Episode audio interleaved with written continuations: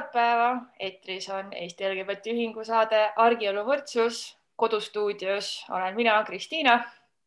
ja Eva-Marta. tšau, Eva-Marta. tšau. me küll salvestame ühel teatud päeval, aga eetrisse läheb see saade kahekümne kuuendal aprillil, mis on lesbide päev ja me täna tahtsime rääkida LGBT tähtpäevadest. sest et neid on palju me tähistame neid äh, enda kanalites ja kutsume teisigi tähistama. Äh, ja, ja mõtlesime, et pühendame saate sissejuhatuse sellele, aga siis tuli ikka heteroteerull sõitis üle ja me räägime täna ka sellest aktuaalsest teemast, milleks on Martin Ehala, aga siiski mõni sekund lesbidele et äh, võib-olla mõni kuulaja on tähele pannud, et äh, me oleme nüüd paar tähtpäeva oma sotsiaalmeedias tähistanud äh, postitustega, kus inimesed jagavad oma mõtteid oma identiteedist, sellest tähtpäevast. meil on ilmunud naistepäev ja aseksuaalsuse päev ja siis jutumärkides täna, lesbide päeval, ilmub siis ühe, ühe lesbi postitus, kelleks olen mina ja minu jaoks on see natuke selline terapeutiline asi võib-olla, sest et ma olen selle või noh, enda sildiga, mitte just maadelnud, aga ütleme nii, et teekonna läbi teinud ja ma siis natuke avan ka seal postituses seda, et miks see natuke keeruline võib-olla minu jaoks oli.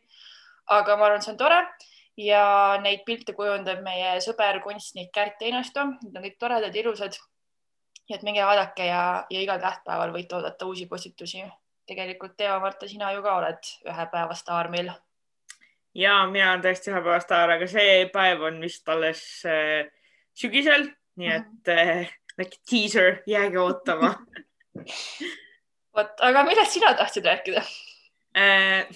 millest ma tahtsin ja millest ma räägin, on kaks eri asja äh, aga igatahes äh, noh, me ei saa ju jätta kuidagi äh, mainimata neid äh, Äh, ma ei tea, imelisi artikleid, äh, millest, mida on nüüd mitu, äh, mis Martin Ehala Postimehe arvamustoimetuse juhe, juhataja kirjutas.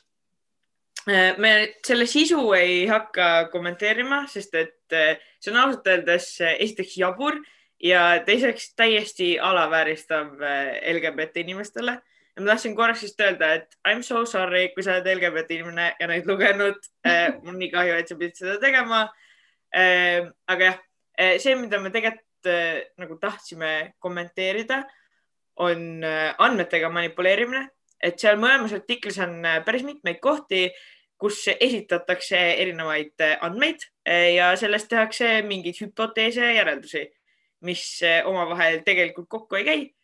ehk siis Äh, seal ei ole nagu mingit kausaalset seost, üks ei vii teiseni. Äh, see on hästi tüüpiline demagoogia võte. Äh, see ei tule sellest, et inimene oleks rumal või ei saaks kuidagi aru, kuidas ühiskonnaprotsessid toimivad, vaid see on täiesti pahatahtlik manipuleerimine, kõige lihtlabasem demagoogia. et jah, ma ei oska muud selle kohta öelda, kui see on lihtsalt nõme, et nii tehakse ja demagoogitsemine üldse ei vii kuidagi mingit äh, ühiskondlikke protsesse edasi äh, või ei loo nagu mingit dialoogi. Äh, aga jah, lihtsalt, et, et kui sa seda satud lugema, siis, siis loe seda selle pilguga või noh, et lihtsalt kuidagi, kuigi jah, selle tähelepanu juhtida, et see on lihtsalt demagoogia. no teatud protsessis ikkagi ju viib edasi, et et iga kord, kui sellised asjad ilmuvad, et üks artikkel siin-seal on veel nagu selline noh, paistab nagu loomulik. aga kui neid toodetakse niimoodi sihukeses tempos juurde, sest et ta ju vastab igale asjale mitte paari lausega, vaid ikka nagu noh, pikalt. et, et tegelikult siis tasub mõelda, et, et mis eesmärki see teenib, et ilmselgelt mhm. tegu on nagu noh, ongi, et see ei ole mingi siiras mure või midagi et äh, me ju saame aru, et seal on mingid agendad taga, noh, kellel ei oleks mingit agendat, aga no me saame aru, et siin on ikkagi selline pahatahtlik ja just see nagu võib-olla faktide või numbrite väänamine. et, et ilmselgelt ei peaks äh, silma kinni pigistama, kui selliseid asju öeldakse, sest et äh, noh, siis me lihtsalt laseme neil juhtuda mm. -hmm. aga kuidas me sellele reageerime, on ka teine asi, et, et no see on põhimõtteliselt nagu trollimine, et kui sa lased mm. ennast nagu välja minna, enda, lähed välja selle peale ja ja, ja kuidagi muutud pahaseks ja hakkad lahmima, siis äh, see põhimõtteliselt loobki selle jälle selle pinge, selle vastanduse, selle mm, noh, ma ei tea, mingi siukse segaduse või sellise sõjaseisukorra, kus kõigil on pead yeah. segi ja lihtsalt tahaks nagu lahmida. et, et ma ei, ma ei tahaks keelata kellelgi nagu mingi vastuväiteid esitamas, sest et seda peab tegema, muidu need halvad asjad jäävadki juhtuma ja saavadki kasvada yeah. aga kuidas me seda teeme niimoodi, et me lõpuks iseendale haiget ei tee kas sellega, et me lähme nagu närvi või sellega, et me kuidagi langeme sellesse auku, vaid hakkame vaidlema mingil tasandil, mis nagu ei ole võib-olla noh, väärikas. Mm.. et ähm, jah, et selle nagu peaks silma peal hoidma, aga nii palju, kui tema toodab, ei suuda vist ükski teine normaalne inimene toota. Ja, ja noh, ma mainisin ka ära selle, et minu arust on täiesti häbiväärne, et äh, sellised äh, nagu lihtsalt lihtlabased äh, demagoogilised artiklid ilmuvad äh, Eesti suurimas äh, ajalehes, et see on nagu nii, nii madal tase ajakirjanduses, et lihtsalt kahju, jah, muud ei oskagi öelda. ja jah, me vist pikk, pikemalt sellel rohkem ei peatu, sest meil on nii palju põnevamaid teemasid, aga eile Ära kaaguta saates Aet Kuusik ja Kadi Viik rääkisid hästi pikalt sellel teemal, põhjalikult, väga huvitavalt. et eh, kui keegi tahaks sellest nagu lähemalt kuulda, et eh, mis need, millest need artiklid rääkisid ja vastulausetest, eh, et siis soovitan väga seda Ära kaaguta saadet kuulata.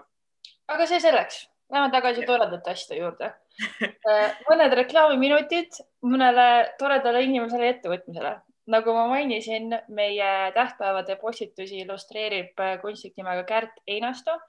ta on meiega koostööd teinud juba aastaid, ta on ülihea sõber äh,, alati valmis head tööd tegema. ta on muidu ka väga andekas, kui mul on remont üks päev valmis saab, siis ma tahan mõne tema töö endale seljale riputada. nii et äh, soovitan kõigil jälgida tema tegemisi, ta postitab päris huvitavaid äh, story sid oma äh, siis äh, kunstipärastest ettevõtmistest ähm, ja jälgige teda Instas, at kärte, kus ä-täht on kirjutatud kui number kaks. ja, ja siis äh, seoses tähtpäevadega, millest me nüüd enne natuke rääkisime äh,, tahtsime teha ka väiksest reklaami meie e-poele äh,. et kui keegi veel ei tea, siis meie e-poest äh, leiab äh, väga palju erinevaid äh, põnevaid LGBT teemalisi asju ja näiteks väga tore kingitus oleks kellelegi tähtpäevaks kinkida mõni lipp. Eh, meil on erinevaid lippe, näiteks kaasava vikerkaarelipp, biseksuaalse lipp, aseksuaalse lipp, lesbilipp, transsooliste lipp, pannlipp ja mitte, mittebinaarne lipp eh, ehk siis üsna suur valik. ja kui midagi sellest tundus sulle huvitav, siis mine meie kodulehele lgbt.ee ja sealt leiad meie e-poe. ja juhtumisi sealsamas meie kodulehel lgbt.ee saad esitada ka Vikerkaare kangelase kandidaate äh, veel nüüd aprilli lõpuni ehk siis kohe-kohe kukub tähtaeg. Äh, Vikerkaare kangelased on inimesed või organisatsioonid, kes on oma sõnade või tegudega edendanud LGBT pluss inimeste elu Eestis. meie kodulehel leiad eelmise aasta võitjad, kus on inimesi aktivistidest presidendini ja vahepeal veel mahub ka kirikuõpetaja ja psühholoogi igasuguseid huvitavaid tegelasi. ja tänavu anname auhinnad välja seitsmeteistkümnendal mail eh, rahvusvahelise LGBT vaenu vastase päeva puhul. nii et vutt-vutt, mine esita veel mõni kandidaat, kes tunnustust väärib. ja viimaseks eh, esi, esitame reklaami Inimõiguste Keskuselt inimõiguste Keskus kutsub kõiki üheskoos tähistama seda, mis meid erinevaks teeb ja ühte seob.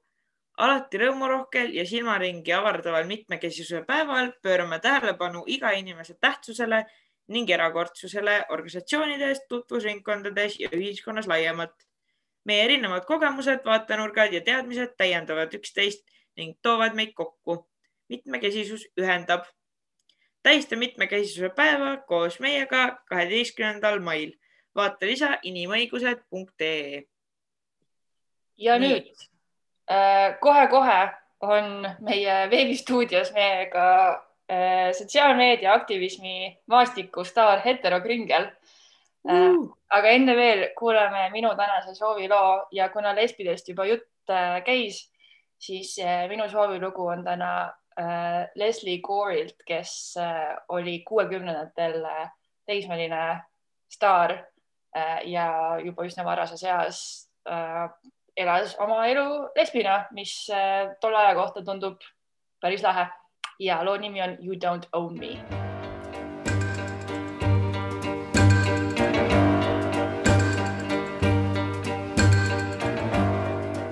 You don't own just one of your many toys. You don't own me. Don't say I can't go with other boys.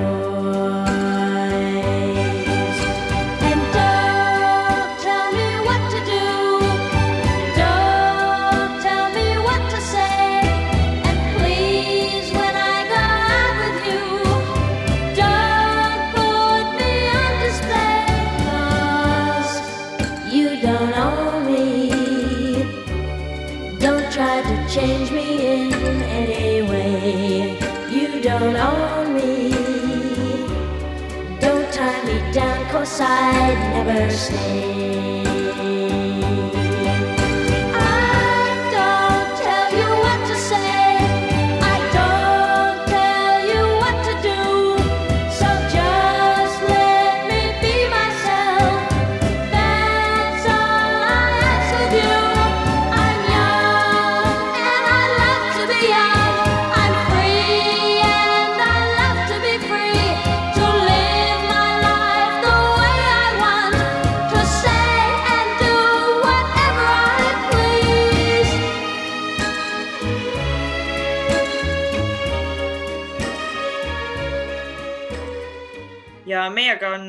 Vahepeal liitunud äh, kodustuudios äh, Anette ehk äh, tuntud ka kui hetero kringel.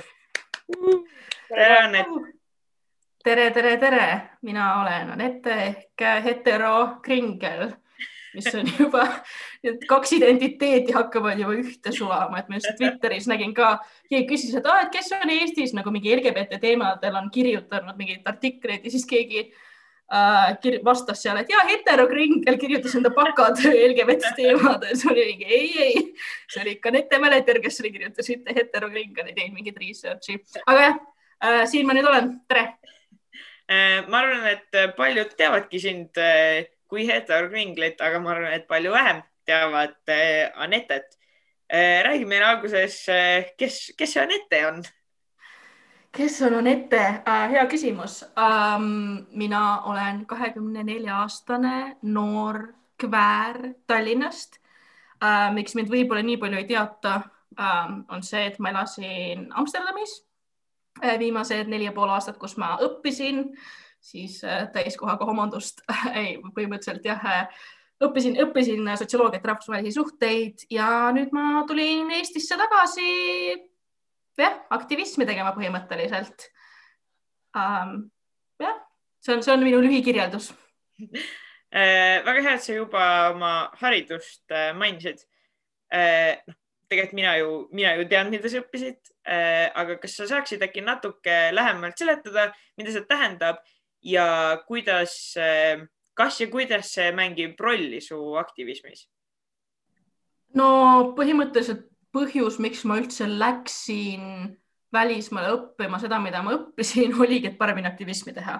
Äh, et äh, ma läksin siis õppima Amsterdam University College'isse, mis on niisugune liberal arts and sciences college, mis on niisugune väike, väike ülikool, kus saab iseenda programmi kokku võtta äh,, kokku panna ja alguses ma tahtsingi õppida noh, mingi rahvusvahelisi suhteid põhimõtteliselt lihtsalt sellepärast, et äh, oma äh, kas siis vanemate või, või mis iganes teiste eestlastega osata paremini vaielda teatud teemadel, näiteks a la mis iganes äh, pagulasteemad või immigratsioon või, või mis iganes asjad, et ma tahtsin nagu õppida, kuidas parem, nagu tahtsin rohkem teadmisi omandada, et paremini enda aktivismi teha ja paremini et saada neid fakte ja, ja teooriat juurde, äh, et neid asju paremini seletada.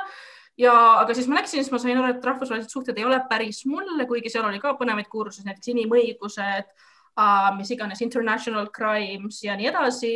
Aga siis ma avastasin enda jaoks hoopis selle sotsioloogia suuna, mis mulle meeldis rohkem, et seal olid ka igast need gender and sexuality kursused ja mis iganes race, gender, class and intersectionality või et, et taolised kursused tegelikult andsid mulle väga palju juurde, et nad aitasid äh, saada seda, seda teooriat, mida ma saan nüüd rakendada praktikasse.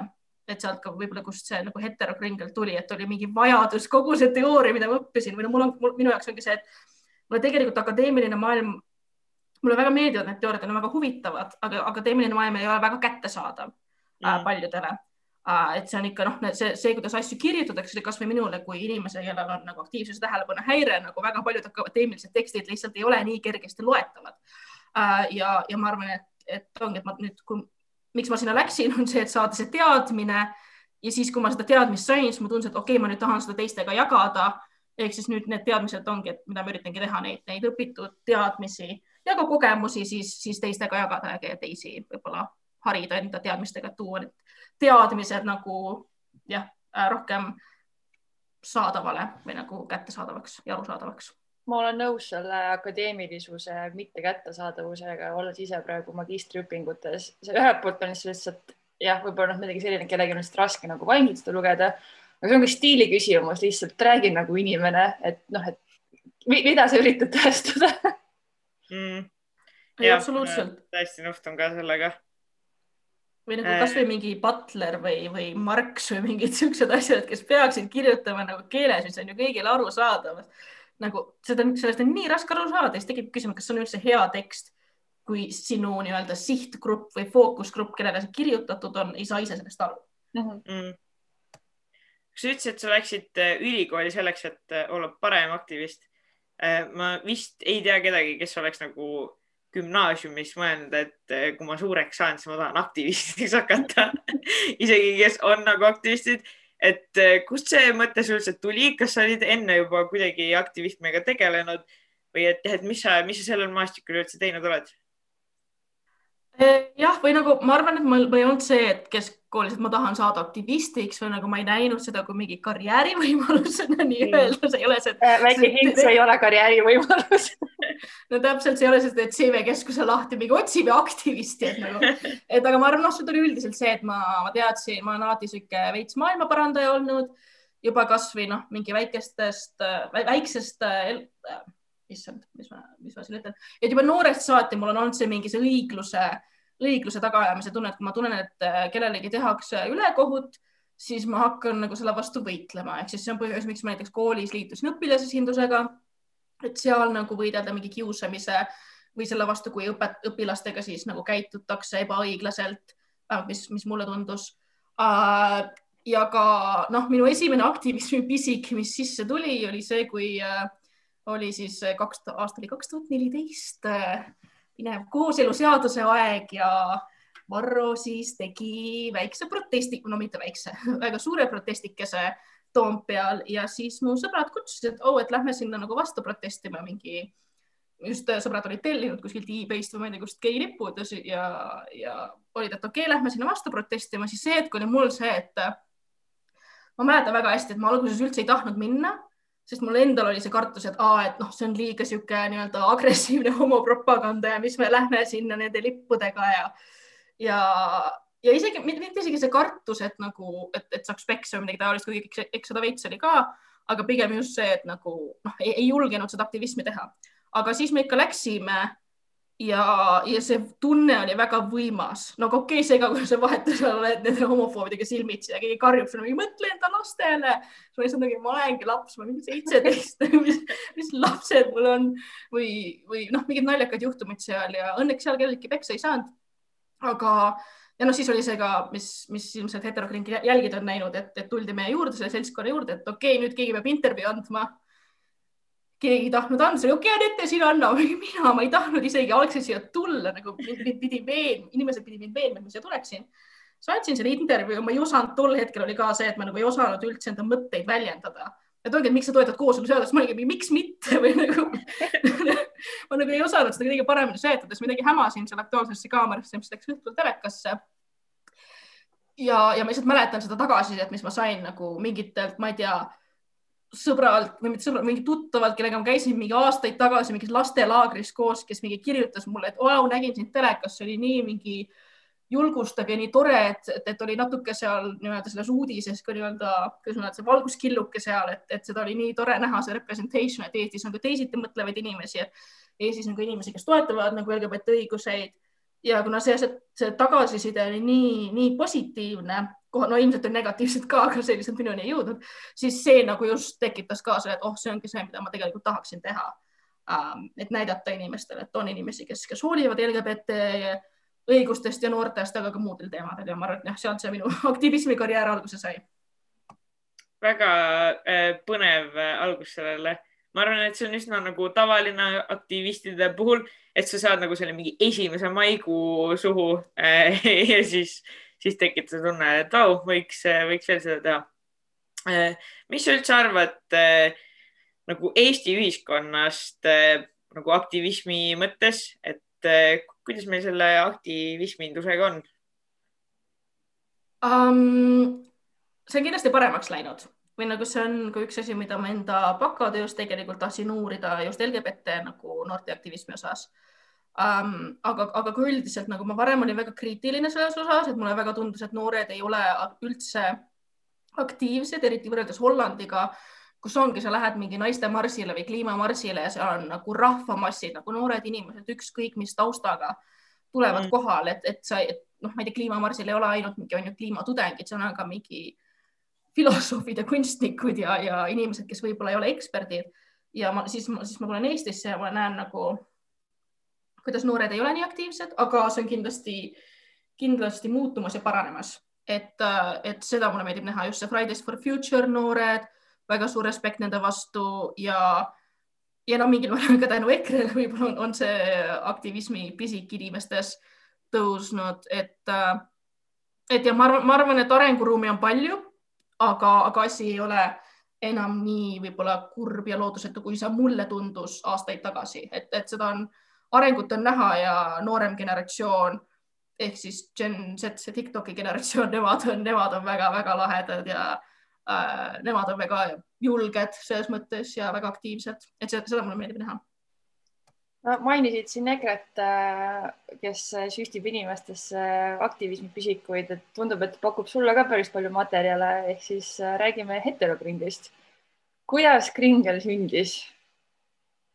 Kringel sündis niimoodi, et ähm, lähme natuke ajas tagasi, ütleme nii, et ma olen Objektiivi ja Uusi Uudiseid jälginud juba päris kaua um,. et mind on alati noh, miks või uh,?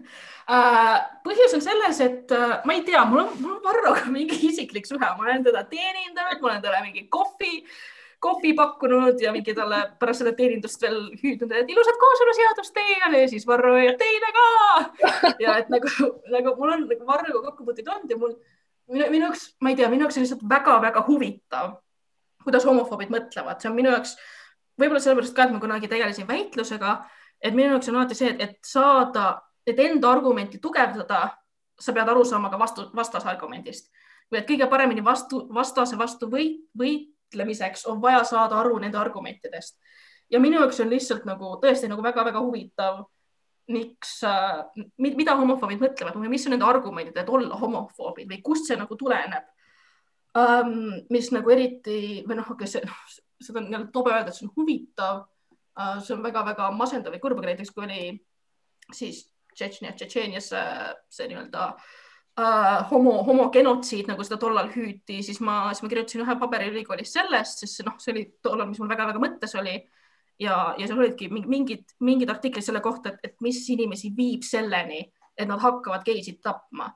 ja, ja kuna see on asi, mille vastu ma nagu noh, Eestis õnneks ei ole nii kaugel, aga kuna see on asi, mille vastu ma väga tahan võidelda, just homofoobia vastu äh,, siis jah, ma olen, ma olen jälginud homofoobe jälginud äh,, jälitanud äh,, siis ma olen jälginud neid sotsia, nagu sotsiaalmeedias ja nende kanaleid, et, et aru saada siis, mis nende argumendid on. ja viimasel ajal siis jah, eriti selle abielu referendumi aegu äh, on, on nad postitanud väga naljakaid asju ja ma juba mingi hetk enda isiklikus Instagramis siis nagu jagasin neid, et nende üle veits nalja teha, sest need olid nii absurdsed äh, ja nii naljakad. aga siis mingi hetk oligi see, et äh, olin, olin tööl äh, Hollandis siis klienditeeninduses ja oli veits rahulikum hetk ja mul oli veits igav ja siis nägin jälle mingi uute uudiste mingit postitust, et äh, siin on pilt äh, noorest poisist ja noorest tüdrukust suudlemas. kas selline pilt on varsti tabu? meil on mingi homototalitarism, et varsti kõik tohib ainult homod olla ja kui siin homo ei ole, siis ma ei tea, mingi saadetakse riigist või mingi sihuke üli sihuke nagu absurdne artikkel.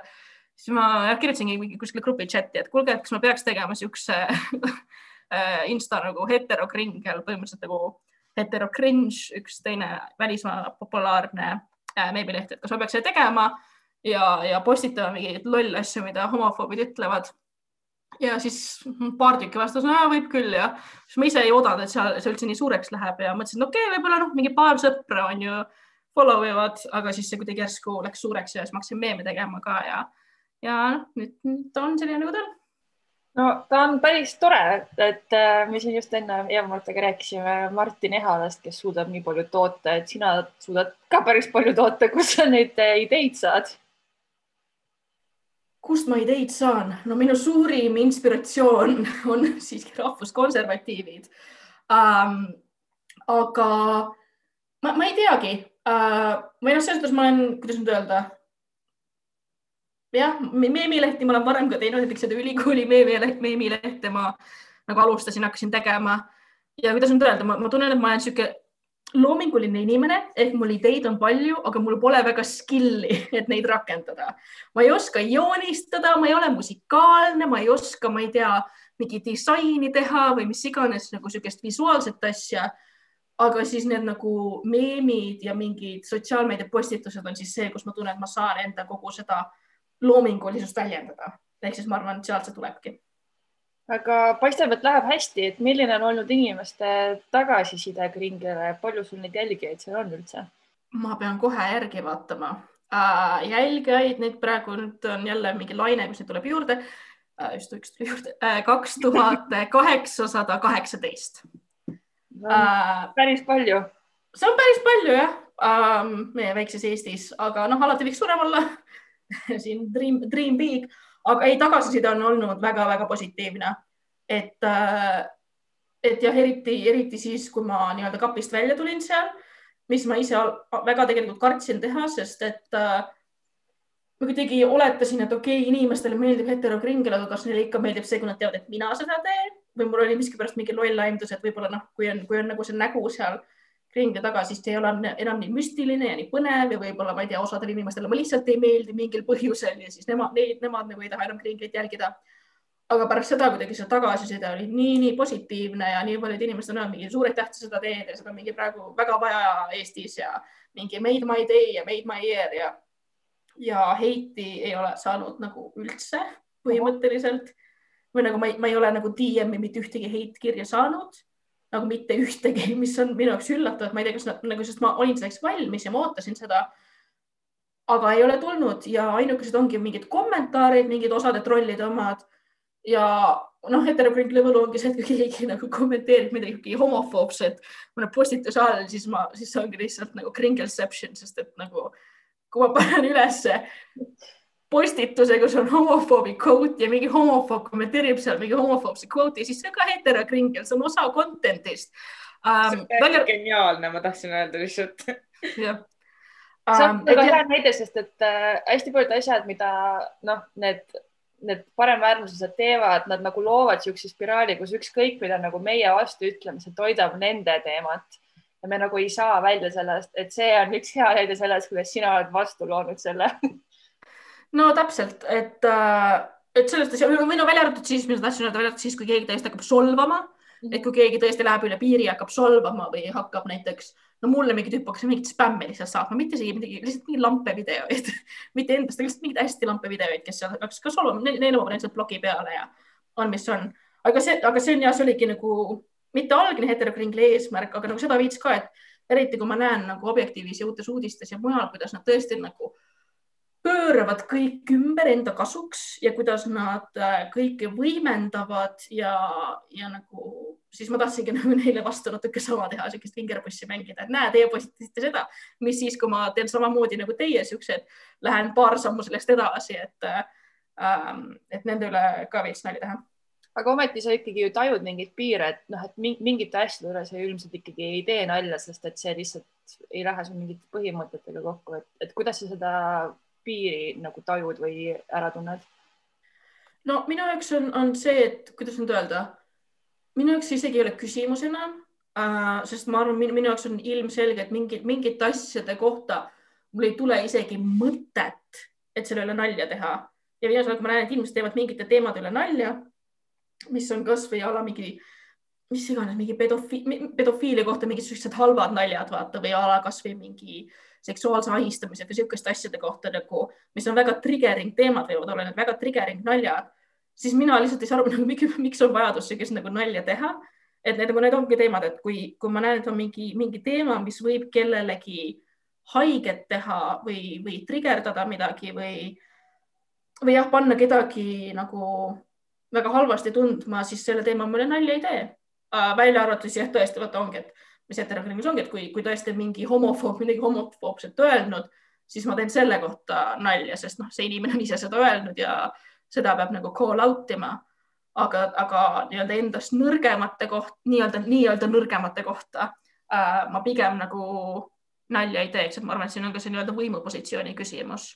Et, et, et noh, nii-öelda enda opressorite kohta võib nagu nalja teha, kui nemad on need, kes sind päevast päeva on ju marginaliseerivad ja sind nagu pidevalt peedistavad ja solvavad ja, ja mis iganes, siis on ilmselgelt, et see on nagu minu puhul tekkinud äh, nagu huumor kui resistance selles mõttes, et, et kuidas ma sellele vastu hakkan ja enda mingile ka uh,. jah, kuidas ma homofoobile vastu hakkan, ongi see nagu huumor, aga see ei tähenda, et ma peaks enda huumoriga mingeid teisi gruppe hakkama solvama uh, selles mõttes. kuidas sul enda nagu tunnetus on, et kas sinu jaoks see ongi rohkem nagu eh, huumor ja nagu nalja tegemine või, või see on ka nagu äh, ma teen siin jutumärke, päris aktivism mm,? ma arvan, et mõlemat või nagu mina arvan, et äh, sotsiaalmeedia aktivism võib olla ka päris aktivism, aga me peame silmas pidama, et sellest, see ei ole ainus ja sellest ei piisa äh,. kui sa, kui sa saad aru, mida ma mõtlen mm. -hmm. et ma arvan, see kindlasti alg, algas nagu sellega, et nagu nalja teha um, aga kindlasti mul on alati, või noh, ma ei oskagi öelda, mulle tundub kõik, mis ma teen, on mingil määral poliitiline, eriti nagu kväärinimesena, kui minna niisuguseks filosoofiliseks, et juba see, et ma nagu hingan ja kõnnin tänaval ja kannan võib-olla mingi vikerkaarevärvilisi sok sokke on nagu päris aktivism võib-olla vaata. aga mm., aga kui kringlist otse rääkides või üldse sotsiaalmeedia aktivismist, siis, siis mulle tundub, et see on ikka päris aktivism. et kui mm. päris aus olla, siis üks, üks asi, üks idee, mis enne seda oli mida me üritasime teha, oligi niisugune nagu, mis Black Lives Matteri ajal tulid, olid väga need mingi noh äh,, nii-öelda aktivismilehed äh, mm. Instagramis, kus on mingi infograafikud ja kus seletatakse mingeid, mingeid asju välja, a la mingi, mis on mingi white fragility või kuidas mingi, mida teha, kui mingi su sõber ütleb, et ta on trans ja kuidas reageerida ja siis seal nagu lihtsalt seletatakse ära a la mingi viie punktiga, mida teha mm. -hmm. et alguses ma tahtsin midagi sellist teha aga sellest kuidagi ei tulnud midagi välja ja siis see heterokrüngel nagu sündis niimoodi väga loomulikult või nagu, kuna see oligi täpselt nagu asi, mida ma olen juba teinud, niisugune homofoobide üle nalja tegemine juba pikemalt tegelikult. igatahes nüüdseks jah, ma, ma arvan, et, et seal on see aktivismi pisik ka sees, et just eriti see teadliku levitamise pool ja ka see nii-öelda, kuidas nüüd öelda, mingite võib-olla vaadete või teooriate inimeste jaoks kät- või teadmiste inimeste jaoks kättesaadavamaks tegemine. sest ma arvan, selles osas huumor on nagu üks väga-väga hea äh, viis, kuidas ennast harida mingitel teemadel mm. -hmm.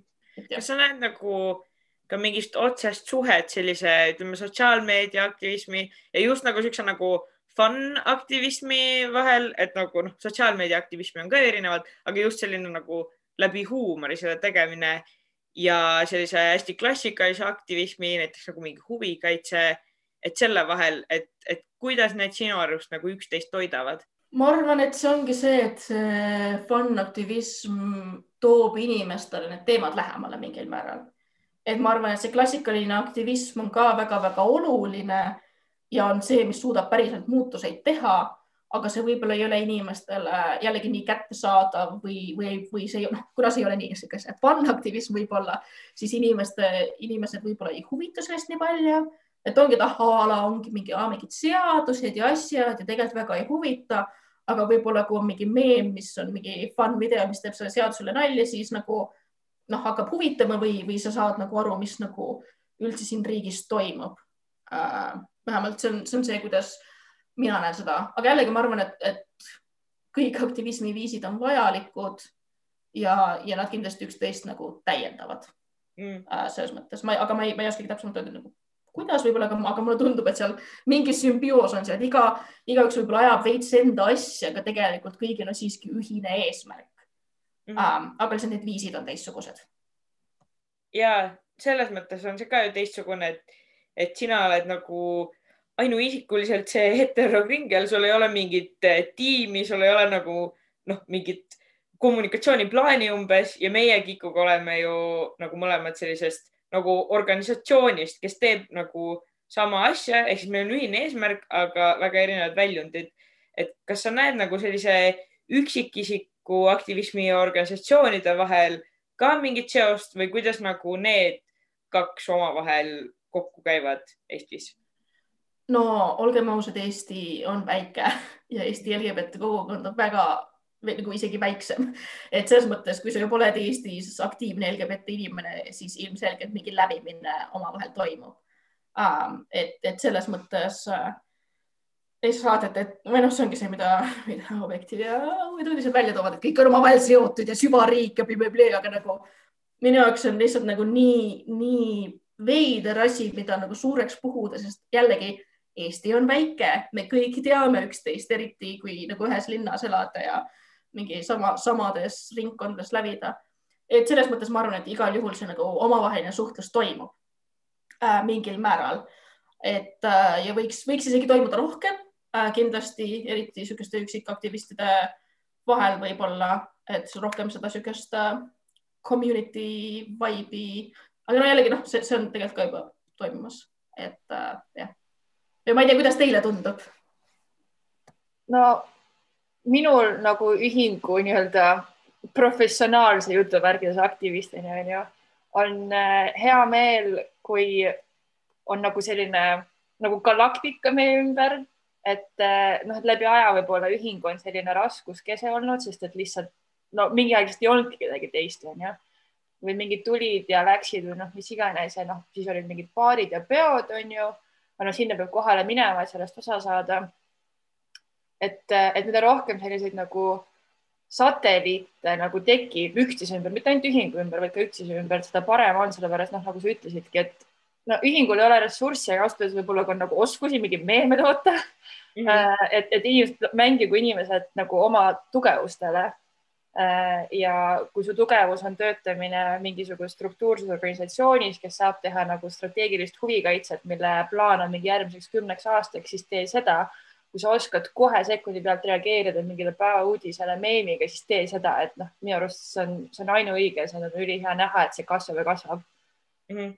pluss ma tahaks veel öelda nagu isiklikul tasandil, et äh, tihtipeale on see, et tahaks mingite asjade kohta mingeid asju öelda aga kuna ma nagu äh, ei räägi võib-olla ainult enda eest, vaid esindan nagu mingit äh, organisatsiooni, siis nagu noh, ma ei saa alati nagu öelda täpselt seda, mida ma, mida ma võib-olla tunneks. Eh, et, et siis vahepeal on lihtsalt nii nagu hea näha, et keegi ütleb täpselt seda, mida, mida sa nagu tunned sel hetkel või tahaks ka nagu väljendada, et see on nagu nice tunne. see on hea tunne, et te ise kõike ütlema, et ja. teine võib ka öelda ja ma võin sellega lihtsalt nõus olla jah, ei seda, seda ma naudin, seda üksikagendi juures olemise jah, olemise juures võib-olla kõige rohkem just see nii-öelda mingi sõltumatus ja vabadus ja et saan öelda, mida ma tahan. aga noh, eks ma võib-olla olen arvestanud sellega ka, et mingi hetk ma pean sellest välja kasvama äh,. et noh. no ega sa jah, varsti sa oledki ju äh,, mis oli, paned leivad ühte kappi ja mis need kõik need väljendid on, et äh, sinust saab paar koos Helgi Saldoga Äh, sest et äh, ta hakkab tegema homokringli saadet siinsamas Ida raadios. Mis värk sellega on, kuidas, kuidas see juhtus? põhimõtteliselt jällegi räägin väga pikalt ja laialt, sellepärast niimoodi ma enda lugusid räägin. Uh, deal with it, sorry not sorry, igatahes kaks tuhat üheksateist sügisel mu sõber soovitas mulle niisugust podcast'i nagu To L and Back, mis siis uh,, mida ma promon igal pool, kes on The L-Wordi ehk siis kõige ikoonilisemat samas ka cringe'it ja väga problemaatilist äh, lesbian tv show'd näinud, siis, siis seal nad äh, põhimõtteliselt recap ivad igat episoodi ja lihtsalt roast ivad seda ja, ja samas ka nagu analüüsivad erinevate nurkade alt, aga mis minu jaoks oli nagu kõige lahedam selle juures, et seal ongi kaks nagu niisugust vanemat või no mitte vanem, mis nad on mingi neljakümnendates on ju äh, nagu LA lesbid, kes räägivad kõigest väga-väga ausalt ja avameelselt ja oma mingitest eksidest ja mingi, ma ei tea, mingi sex life'ist ja mis iganes ja ja no alguses oli naljakas, sest ma olin tollal Eestis ka ja mingi oled trollis ja siis kuuled, kuidas nagu kõrvaklappidest käib ala mingi oh, I didn't know that they make strap-ons for people that skinny on. Ja siis sa vaatad ümber neid inimesi enda ümber. sa mõtled, kurat, kui nad kuuleksid, mida ma kuulan siin praegu, mingi oh my god, Shane, mingi fuck that person again. Ja siis nagu, et see oli, see oli nagu väga, kuidas nüüd öelda, alguses naljakas äh, sihukest asja kuulata, eriti kui sa ise kõnnid avalikus kohas, see käib kõrvadest, aga ähm, see, ma avastasin, et noh, tol hetkel kaks tuhat üheksateist ma olin juba mingi viis aastat kapist väljas olnud, aga ma avastasin, tänu sellele podcast'ile see solvis mul mingid internalized homofoobiad, mida ma isegi enam ei teadnud, et mul on.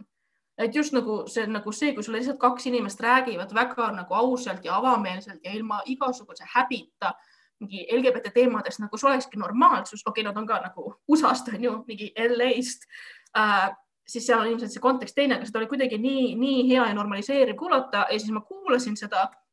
ma olin, et ma tahan Eestis sama teha, ma tahan teha podcast'i, kus ma lihtsalt äh, kellegagi lihtsalt äh, räägin ja mulisen ja on loll jutt ja mingi sihuke hea bänter ja, ja räägime lihtsalt nagu gei inimeste gei asjadest või noh, LGBT inimeste LGBT asjadest um,. ja siis mul see mõte hakkas nagu kerima, aga siis ma läksin Hollandisse tagasi ja siis minu see idee teha Eesti esimene LGBT podcast äh, mur, murdus ja kukkus.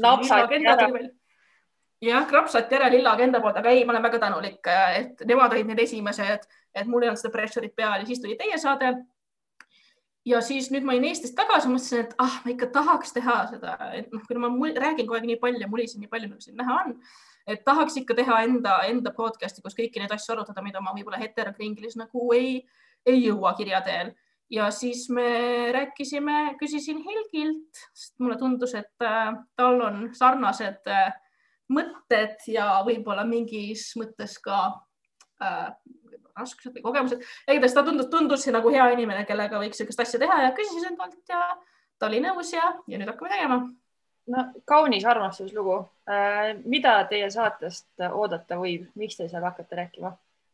Uh, kui vaid teaks eh,, mida võib oodata, kaootilisust kindlasti äh,, väga noh, loodetavasti palju nalja äh,, värvikaid saatekülalisi ähm,.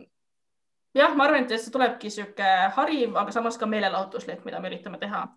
ja, ja mida veel ja jah, hakkame, hakkamegi rääkima erinevatest teemadest. et kahjuks me veel hetkel ei tea, millal me alustada saame, et millal ida, idakonteiner jälle avaneb aga, aga siis, kui, kui saame hakata tegema, siis me kindlasti anname teile teada ka ja me kindlasti tahame ka äh, sarnaselt teile enda, enda kuulajatega loodetavasti äh, palju suhelda, et äh, kuulata, mida Eesti inimesed tahaksid, et me räägiksime. Ja võib-olla kasvõi võtta otse-eetris kõnesid vastu, et, et kes teab, kuidas läheb. et, et selles mõttes nagu ruumi on mängimiseks palju, aga ütleme nii, et praegu, me oleme omavahel rääkinud ükskõik mis teemal, siis on okei okay,, okei okay,, räägime selles saates, räägime selles saates mis iganes teemal hakkame, hakkame arutama ja meil on neid nii palju neid asju, mida tahaks saates arutada, et ei tea, kas üldse saabki kõik arutatud. ja meil Kiku juhtub sama vahepeal, et oota-oota, ära praegu räägi sellest, räägime saates äh, aga suur aitäh sulle, Anette, äh, et sa tulid meiega jagama oma mõtteid ja tegemisi. väga põnev eh, oli sinuga rääkida. Eh, enne veel ah,. ei, sa oled meiega saate lõpuni. aga ikkagi teeme. ei saa must lahti veel peale seda nagu ametlikku osa, kui sa oled meie saadet kuulanud, siis sa tead, et me teeme alati saatekülalisega ühe mängu. ja jah, mäng on lihtsalt sellised eh, this or that eh, küsimused. kiire mõtlemine, selgitusi pole vaja. esimene küsimus, ma lihtsalt pidin seda küsima, soolane või magus kringel? magus. magus, magus. kringli äh, pesto juustu soolane kringel. ma teadsingi kohe, et sa ütled seda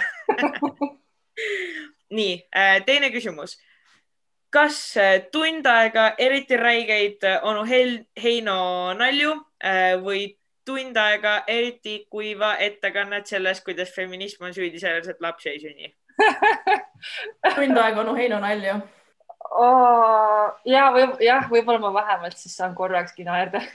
kolmas, kas The L-word või Drag Race?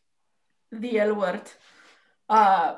problemaatika, aga, aga The L-word no mina pean ütlema Drag Race, sest ma lihtsalt, ma lihtsalt ei kannata L-wordi, ma lihtsalt ei suuda see on nii halb, et see on hea, see on lihtsalt nagu, okei okay,. kriibib mu hing see on, see on, see on, aga okei okay, ma homokringlis räägin pikemalt ja lihtsalt teen eraldi saate The L-wordist ja siis te kuulete, miks ma armastan seda sarja. Äh, no mina ütleks referee'iks, et äh, need on equally problematic at times äh, sarjad neljas küsimus. kui sa saaksid valida ainult ühe, eh, siis kas sa kuulaks elu lõpuni ainult podcast'e või ainult eh, mussi? ainult mussi, kindlalt. ja, ja mul on Eeva-Marta selleks, et mu vist kõrva maha rääkida lihtsalt jäbi seda tund aega järjest, kui on vaja no, ma ei pea, ma ei pea podcast'i kuulama, ma võin ise seda teha pigem kuulan mussi. podcast'i järgi saad tantsida. just, jah, ei. tõsi. muusika, muusika, muusika on liiga oluline, ilma muusikata ei, ei, ei saa midagi tehtud. nõus. Äh, ja viimane küsimus. Äh, kui sa peaksid olema sektis, siis äh, kas liider või follower? oh my god. täielik liider või? ja, aga mõtle, milline sure, sa pead kogu aeg aina absurdsemaid asju välja mõtlema. ma ei tea, mulle juba tundub, ma kind of olen juba mingi sekti liige Te mõlemad kind of olete. hetero kõik, tulge minu juurde kõik, kes te vaevatega koormatud olete. no see teeb meist siis järelikult follower'id, nii et siin on see vastus. ei no Instagramis mul on literally follower'id, nii et jah uh,, jah. True uh, väga tore, aitäh teile. Äh, kuulame korraks ühte muusikalist vahepala ja siit tuleb äh, Anette soovilugu. kas sa tahad midagi selle kohta öelda ka? absoluutselt. Äh, ma valisin selle laulu sellepärast, et esiteks Five Horses on minu lemmikbänd Eestis ja üks, üks väheseid Out and Proud LGBT bände, kes ei karda ka poliitilised olla, mis on minu arust väga-väga tervitatav ja seetõttu ma olen ka suur fänn. Ja selle laulu ma valisin sellepärast, et äh, kahjuks mulle tundub, et see pole saanud nii palju tähelepanu kui nende teised laulud, aga, aga see on praegu minu isiklikult, minu jaoks väga-väga relatable ähm, et raha ei saa, experience'it on palju äh, või experience'it saab palju ja, ja üldiselt ka kõikidele teistele, ma arvan, loomeinimestele pandeemia ajal. see on äh, väga relevantne ja relatable. nii et kuulake kuulame seda extra relatable äh, lugu.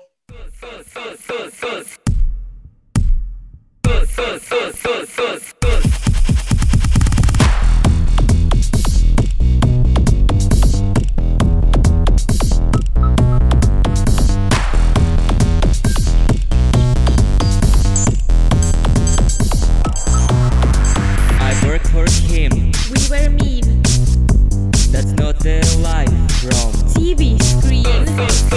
little smiley face. which I had, Not in the system. and I'm glad. Depression. And anxiety, Outburn. that's the far. Running from reality. Ooh. To the bar, I'm drinking there. you're passing by. Don't sex in toilet. Cause you'll die, die, die, cause you'll die. Rotten soul with zero money. Aesthetic, This and ugly. Creating art, thinking saving coins on my credit card. Living life with no point. listening to life. I'm not listening to boys. That's not bad that you were born. If you are weak, sit at home and watch some porn.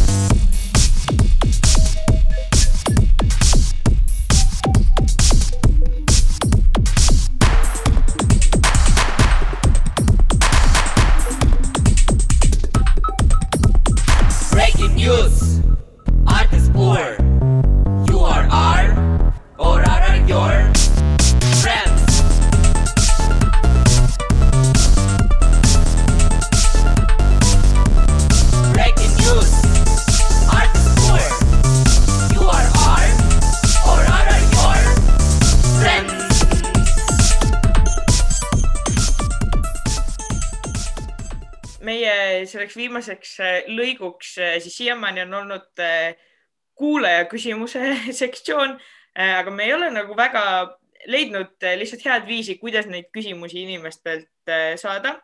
et me oleme siis selle kuidagi Kikuga nüüd ümber mõelnud natuke laiemaks, et, et me siin lõpus lihtsalt räägime mingist teemast, millest me tahame rääkida ja nii lihtsalt on, et äh, kui, kui mõnel kuulajal on mingi teema, millest äh, te sooviks, et, et me räägiks, siis kindlasti kirjutage meile Cesarisse, Instasse, meili, ükskõik kuhu. aga jah, me lihtsalt räägime sellest, millest me tahame rääkida. ja täna me tahame rääkida Drag Race'ist. mina ja Kiku oleme suured Drag Race'i fännid.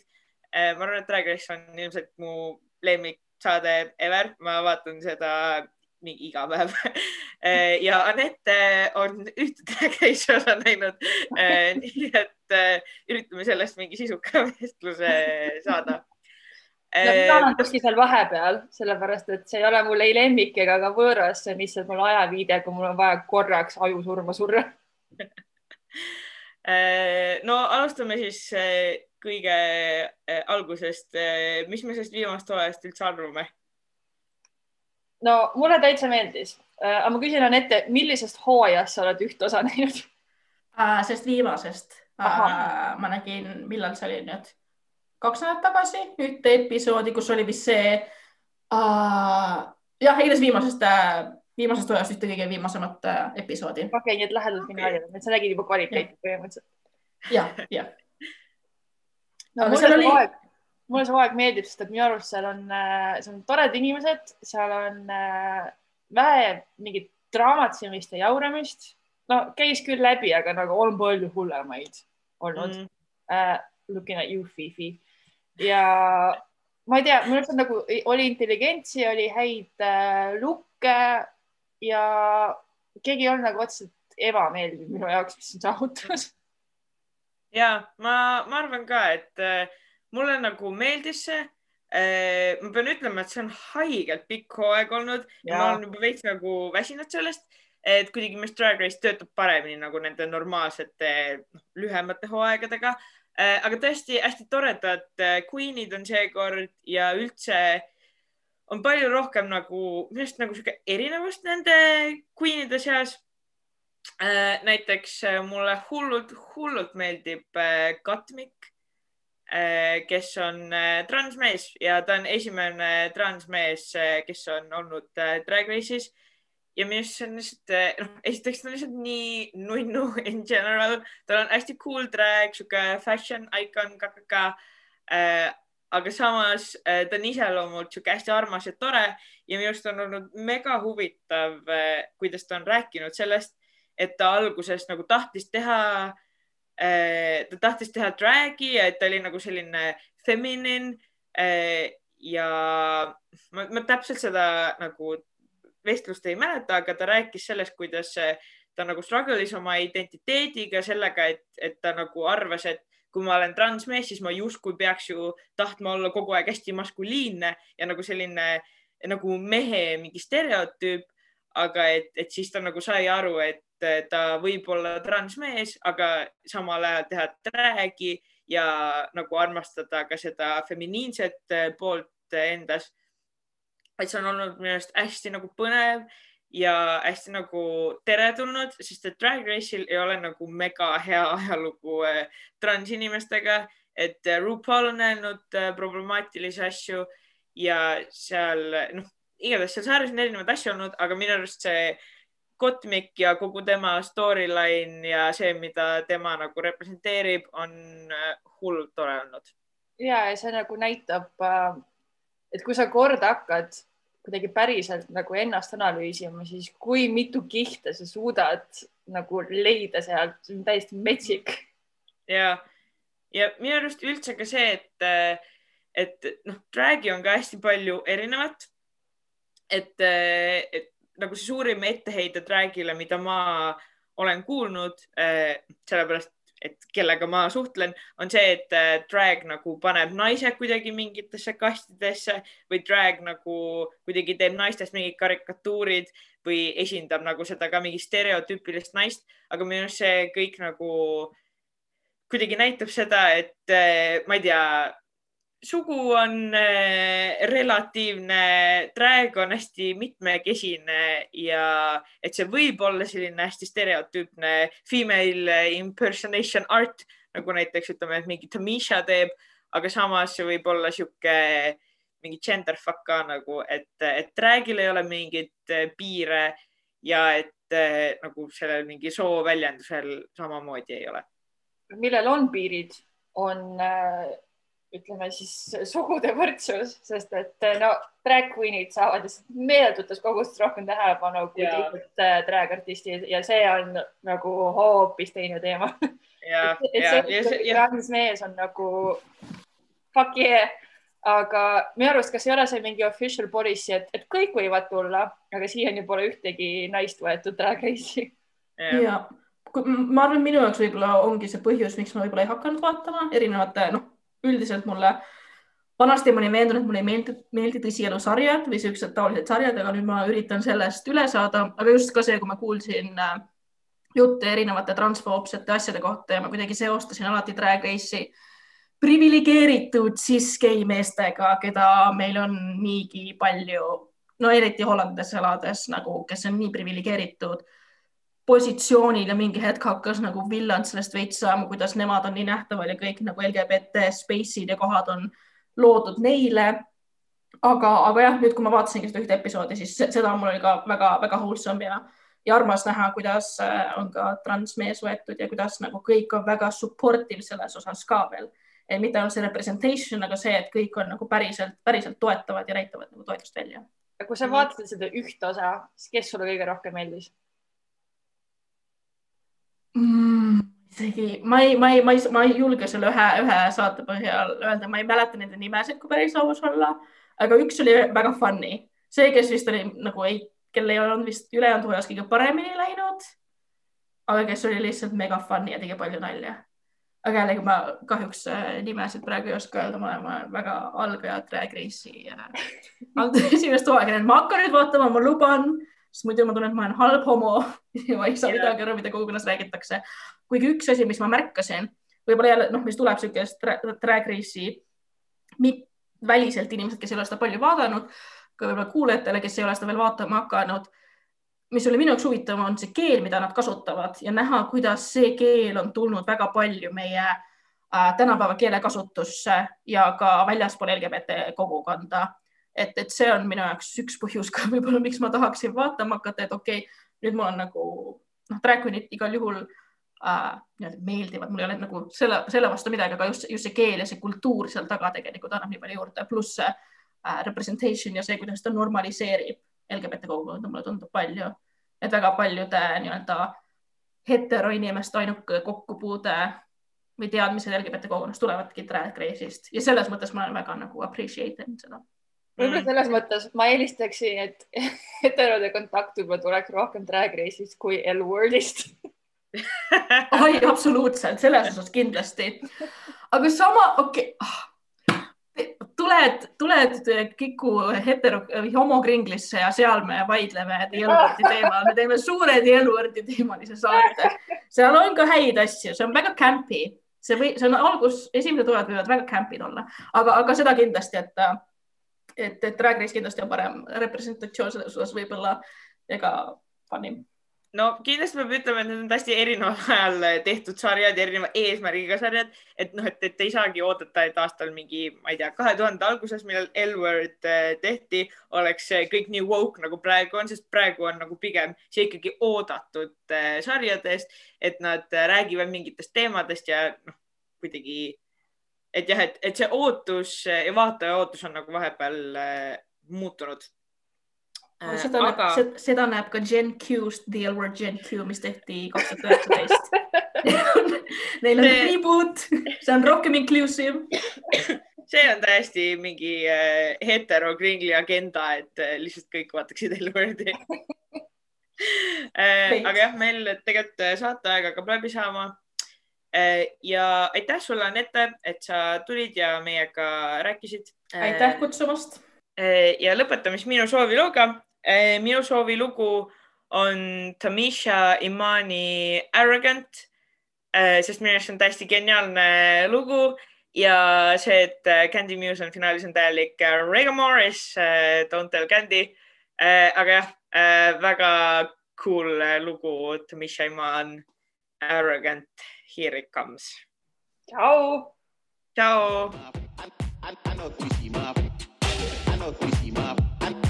very satisfied. At the end of the day, I'm gonna speak for myself. It's a couple of you girls I really, really don't don't care for. You have some really, really nasty attitude. But I have to commend you on your on your drag. Just come off, as just, just it just come off as arrogant. You're being arrogant.